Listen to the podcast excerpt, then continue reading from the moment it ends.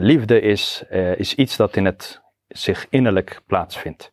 Dus het is een gevoel, het is iets dat innerlijk is. En het is dat je hart liefde heeft voor Allah subhanahu wa ta'ala, tegelijkertijd Allah vereert en Allah groot maakt. En dat hij ook hoop heeft op Allah subhanahu wa ta'ala. Deze definitie heeft Ibn Qayyim rahimahullah gegeven. Dus dat is een combinatie van een aantal zaken. En deze combinatie kan alleen voor Allah. Dus niemand anders kan jij liefde, hoop en verering tegelijkertijd geven. Dit is iets dat voor Allah is. Zoals wij het gebed alleen voor Allah bidden, moeten wij deze liefde ook alleen voor Allah subhanahu wa ta'ala hebben. En als je dan kijkt, uh, zo in, uh, wat zijn dan andere liefden zou je, kunnen, zou je zelf kunnen afvragen. En de andere liefde wat, wat de persoon ook kan hebben, zijn natuurlijke liefde. Bijvoorbeeld de liefde dat iemand heeft, uh, dat hij houdt van eten. Alhamdulillah, we hebben nou fruit en, mashallah. Hè? nou, ik denk, ik zag, ik zag niet alleen bari eten. Hè? Dus, dus de liefde die wij voor, uh, voor eten hebben, als wij dorst hebben, dat we willen drinken. Uh, dus die is een uh, mahabba tabi'iyya, wordt gezegd. Dat is een uh, natuurlijke liefde. Dat is een iets wat jij, wat jij hebt. En daarnaast heb je ook een liefde dat, dat komt uit barmachtigheid. Net zoals de liefde dat een vader en een moeder voor, voor hun kinderen hebben. Daarnaast heb je de liefde voor, die komt uit affectie. En dat heb jij voor je vrouw uh, enzovoort. Deze zijn normale liefde die een ieder zeg maar kan hebben, maar echt de liefde die, die ik net heb genoemd, is de liefde die alleen voor Allah subhanahu wa ta'ala is. En zo'n liefde is een liefde waar je Allah mee aanbidt. Dus het is, je krijgt een beloning voor. Dus veel mensen denken alleen de uiterlijke daden, bidden, vasten, dat zij alleen beloning krijgen. Nee, met die liefde krijg je beloning. Bal, het is een van de allergrootste beloningen die er is. Subhanallah. En daarom, uh, Ibn Qayyim rahimahullah ta'ala, die zegt in zijn boek uh, Madarij al-Salikin, hij zegt, um, uh, het, het, de, deze liefde is te vergelijken met een vogel. En die vogel heeft een kop en twee vleugels. Hij zegt, de kop is de liefde hebben voor Allah en de twee vleugels zijn de hoop en de vrees zeg maar. Subhanallah. Wanneer de een omhoog gaat, gaat de ander omlaag. Wanneer je hoop hebt, is de vrees wat minder. En wanneer je vrees hebt, is de hoop wat minder. Hij zegt, subhanallah, als de kop eraf gaat, gaat hij dood. Dus zo belangrijk is de liefde voor Allah ook. Hij zegt, als je een van die vleugels, een van die vleugels eraf gaat, dan valt hij. En dan is er, is er kans op heel veel gevaren die op dat moment komen. Zet zo ik een vraag. Ja. Moslim, waar uh, hoe dient zijn vleugels, zeg maar? MashaAllah. Um, daar, heeft, daar is hij ook zelfs op, op ingegaan in zijn boek. En hij zegt van, die hoop uh, moet jij, uh, of die vrees, is belangrijk dat je die meer hebt wanneer jij krachtig bent, wanneer je jong bent, wanneer jij gezond bent, hè? zodat jij meer doet. En de hoop is belangrijk om te hebben wanneer jij zwak bent, ziek bent of op een sterfbed ligt enzovoort, zodat je meer hoop hebt. Want het treffen van Allah met hoop is natuurlijk iets heel belangrijks. Want hetgene wat je verwacht van Allah, krijg je van Allah subhanahu wa ta'ala ook. Zo is het dus eigenlijk hoe wij, hoe wij mee ingaan. En dat is iets dat, uh, dat verplicht is. Uh, iedere persoon dient die liefde te hebben en die moet hij alleen voor Allah subhanahu wa ta'ala hebben. Dat is zo cruciaal en zo belangrijk. En natuurlijk uh, zijn er als zo'n liefde is. Kijk, als we ons afvragen, uh, broeders, uh, alhamdulillah, we hebben liefde voor onze ouders. We hebben, liever, we, we, hebben liefde voor een ieder die iets voor ons heeft betekend. Erkenning en waardering. Yani, hoeveel liefde dienen wij dan voor Allah te hebben? Subhanallah. Ik had het toevallig een, een, een preek daarover, zeg maar. En, en ik had het daarin genoemd. Ik zei, subhanallah, ehm, uit onderzoek blijkt dat de persoon uh, plus minus duizend keer uh, ademhaalt in een uur. Dus in een uur plus minus. De ene zegt 16, 15, 20, minder. In een uur ongeveer is het duizend keer. Dus in 24 uur is het 24.000 keer. Iedere keer, subhanallah, dat we ademen en inademen en uitademen, gebeurt er zoveel in ons lichaam. Dus iedere keer zouden wij Allah dankbaarheid voor moeten tonen. Subhanallah. En dat betekent dat wij dus ook liefde voor Allah subhanahu wa ta'ala moeten hebben. Dus de grootste liefde die er is, die moeten wij dus uiteindelijk ook voor Allah uh, subhanahu wa ta'ala hebben. En als wij dan ons afvragen wat zijn uh, de zaken die ons uh, kunnen helpen in het, in het hebben van liefde voor Allah subhanahu wa ta'ala. Want dat is iets wat jij moet gaan ontwikkelen. Yani, het, is, het is niet iets die, die zit in jouw, in jouw, in jouw, in jouw, in jouw, eh, eh, in jouw natuur, maar die moet je gaan ontwikkelen. Zoals je heel veel andere dingen ook ontwikkelt. En een daarvan, en een van de allerbelangrijkste, en Ibn Qayyim rahimahullah heeft ook in, eh, in, in, eh, in zijn boek Madarij Salikin, heeft hij tien zaken genoemd die ons kunnen helpen hoe wij meer liefde voor Allah subhanahu wa ta'ala kunnen hebben. En die zaken ehm, zijn zaken waar wij eh, steeds meer eh, eh, kunnen hebben. En dat wij ervoor moeten zorgen dat wij meer van krijgen. Ik zal een aantal daarvan noemen. Eén daarvan is dat wij de kitab van Allah subhanahu wa ta'ala lezen, maar ook met aandacht en bestuderen. Dus niet alleen maar het surah snel afmaken, maar dat wij ook lezen en overpeinzen wat erin zat. Allah zegt subhanahu wa ta'ala in de Koran, Kitabun anzalnahu ilayka mubarakun liyadabbaru ayati wa liyatadakkara ulul albab. Allah zegt subhanahu wa ta'ala, dit is een gezegende boek die wij aan jou, o Mohammed hebben, neer, hebben neergezonden. Wat is het doel? Zodat zij over haar verzen kunnen nadenken. Dus het doel van deze verzen en het Koran is het dat we over nadenken. En wallahi, hoe meer jij de, de Koran leest, hoe meer je van Allah subhanahu wa ta'ala gaat houden. Want dat is degene die jou spreekt, subhanallah. En eh, hoe, hoe mooier kun je hebben dat Allah subhanahu wa ta'ala jou, jou, jou spreekt. En uh, de tweede zaak uh, die wij kunnen hebben, is het gehoorzamen van Allah subhanahu wa ta'ala in zijn bevelen en afstand nemen van zijn verboden. Want als je van iemand houdt, luister je naar hem. als je van iemand houdt, gehoorzaam je aan hem. Ja, niet dat je zegt van ik hou van jou, maar ik doe niet wat jij aan mij zegt. Dat zijn twee dingen die niet gaan. Subhanallah. En daarom imam Shafi'i rahimahullah heeft een, heeft een hele mooie geze, uh, gedicht gezegd. Hij zei, ta'sil, ta'sil ilaha wa anta tudhiru hubbahu. هذا محال في القياس بديع. أنا زيد أن لو كان حبك صادقا لأطعته. إن المحب لمن يحب مطيع. في كل يوم يبتديك بنعمة منه وأنت للشكر ذاك مضيع. مدي هاي زكت يخهور زمت الله نيت. تلوالي زكت سوخ نام دا تشفنم هوت هاي زكت ديت is unverenigbare zaken هاي زكت als jouw liefde oprecht was هاتي هم hem gehoorzaamd want wie van iemand houdt gehoorzaamt hem ook Iedere dag begint hij met zijn genade bij jou terwijl je onachtzaam bent in het gedank ervan. Subhanallah. Dat is hetgene wat wij ook dienen te hebben. Een andere punt uh, die ons kunnen helpen in het uh, Allah subhanahu wa ta'ala en liefde uh, voor hem hebben, is dat wij dicht bij Allah komen door middel van zijn aanbevolen daden. subhanallah. Er is een overlevering van de profeet sallallahu alaihi wasallam, die hadith al-Qudsi is, die overgeleverd van Allah subhanahu wa ta'ala, waar Allah zegt subhanahu wa ta'ala, وَمَا تَقَرَّبَ إِلَيَّ عَبْدِي بِشَيْءٍ حَبَّ إِلَيَّ مِمَّا افْتَرَدْتُ عَلَيْهِ ولا يزال عبدي يتقرب إلي بالنوافل حتى أحبه. Allah zegt subhanahu wa ta'ala, en mijn dienaar kan slechts dicht bij mij komen door het nakomen van verplichte zaken. En hoe meer hij aanbevolen zaken verricht, hoe meer ik van hem hou. Dus wil je dicht bij Allah komen, kan alleen maar door verplichtingen nakomen. Wil jij liefde, dat Allah geliefd bent bij Allah, dan moet jij aanbevolen daden gaan verrichten. En dat is een zeer cruciale punt. En Allah zegt daarna, als, ik, als, hij dan, als hij een geliefde van mij is, dan ben ik zijn ogen waar hij mee kijkt. Subhanallah. Zijn oren waar hij mee hoort. Zijn handen waar hij mee raakt. Zijn voeten waar hij mee loopt. En als hij me vraagt, geef ik het. Zegt Allah subhanahu wa ta'ala. Oren, ogen, Allah is oren en Allah subhanahu wa ta'ala, Allah subhanahu wa ta'ala zijn gehoor en alles is anders dan die van ons. Daarmee wordt bedoeld, ik zal zijn oren beschermen. Ik zal zijn ogen beschermen. Ik zal zijn handen beschermen. Dus je kijkt en je hoort alleen hetgene waar Allah tevreden over is.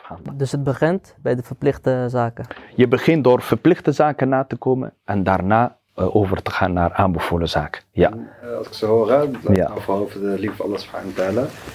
Uh, wat, zijn de, uh, wat zijn de zaken die echt geliefd zijn bij Allah subhanahu qua daden? MashaAllah. Er zijn een aantal zaken die bij Allah subhanahu wa ta'ala geliefd zijn.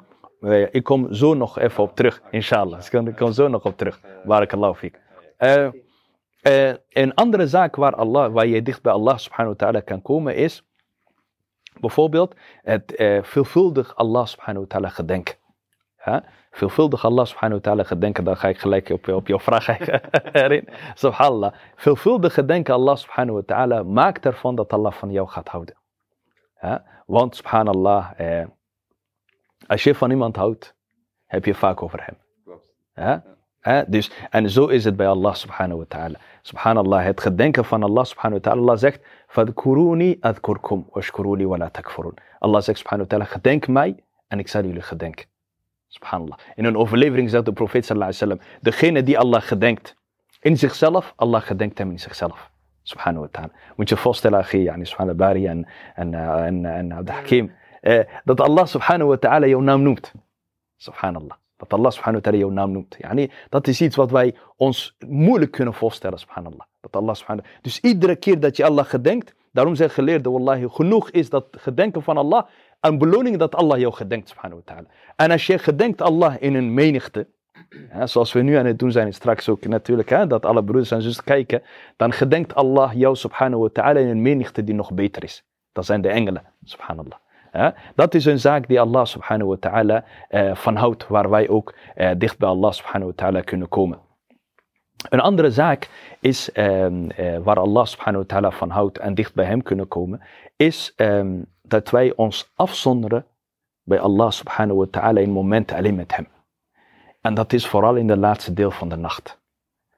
De fajr, vlak voor fajr. Wanneer Allah subhanahu wa ta'ala neerdaalt in de eerste hemel. En dat Allah zegt, is er iemand die mij iets wil vragen, die ik geef. En daarom zegt geleerde subhanallah, degene die een verzoek heeft bij Allah, die bewaart het voor zo'n moment. Subhanallah. Dat is een moment waar, waar de verzoeken ingediend worden. Subhanallah. Dat zijn momenten waar de verzoeken ingediend Natuurlijk kun je ten alle tijden Allah gedenken. Kun je ten alle tijden Allah vragen. Maar er zijn momenten waar het nog meer, subhanallah, de kans groter is dat je die krijgt. Dat is een moment waar Allah neerdaalt voor jou. Subhanallah. Imam Shafi'i zegt, zegt hier ook iets over, toch? Van de dua die wordt gemaakt voor Fajr, zeg maar, de laatste deel van de nacht. Ja.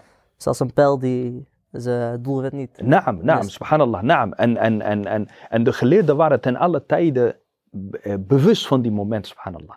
Zelfs ons, ons profeet, waar al zijn zondes vergeven zijn, sallallahu alayhi wasallam. Die moment was een cruciale moment waar Allah, hij Allah subhanahu wa ta'ala gedankte, gedenkte, subhanahu wa ta'ala. Dus dat is ook een moment waar wij Allah subhanahu wa ta'ala en ons best moeten doen. Daarom zegt Allah subhanahu wa ta'ala in de Koran, تتجافى جنوبهم عن المضاجع يدعون ربهم خوفا وطمعا ومما رزقناهم ينفقون. Allah zegt subhanahu wa ta'ala, hun zijde uh, vers, uh, verzaken hun bedden, subhanallah. Die, die, die, komen ze daarop. Ze roepen hun Heer, en, uh, subhanahu wa ta'ala, vol met hoop en vrees. Subhanallah. Hoop en vrees, die ene wat we net over hadden, subhanallah. En geven uit aan, van hetgene waar Allah subhanahu wa ta'ala wat we hebben voorzien.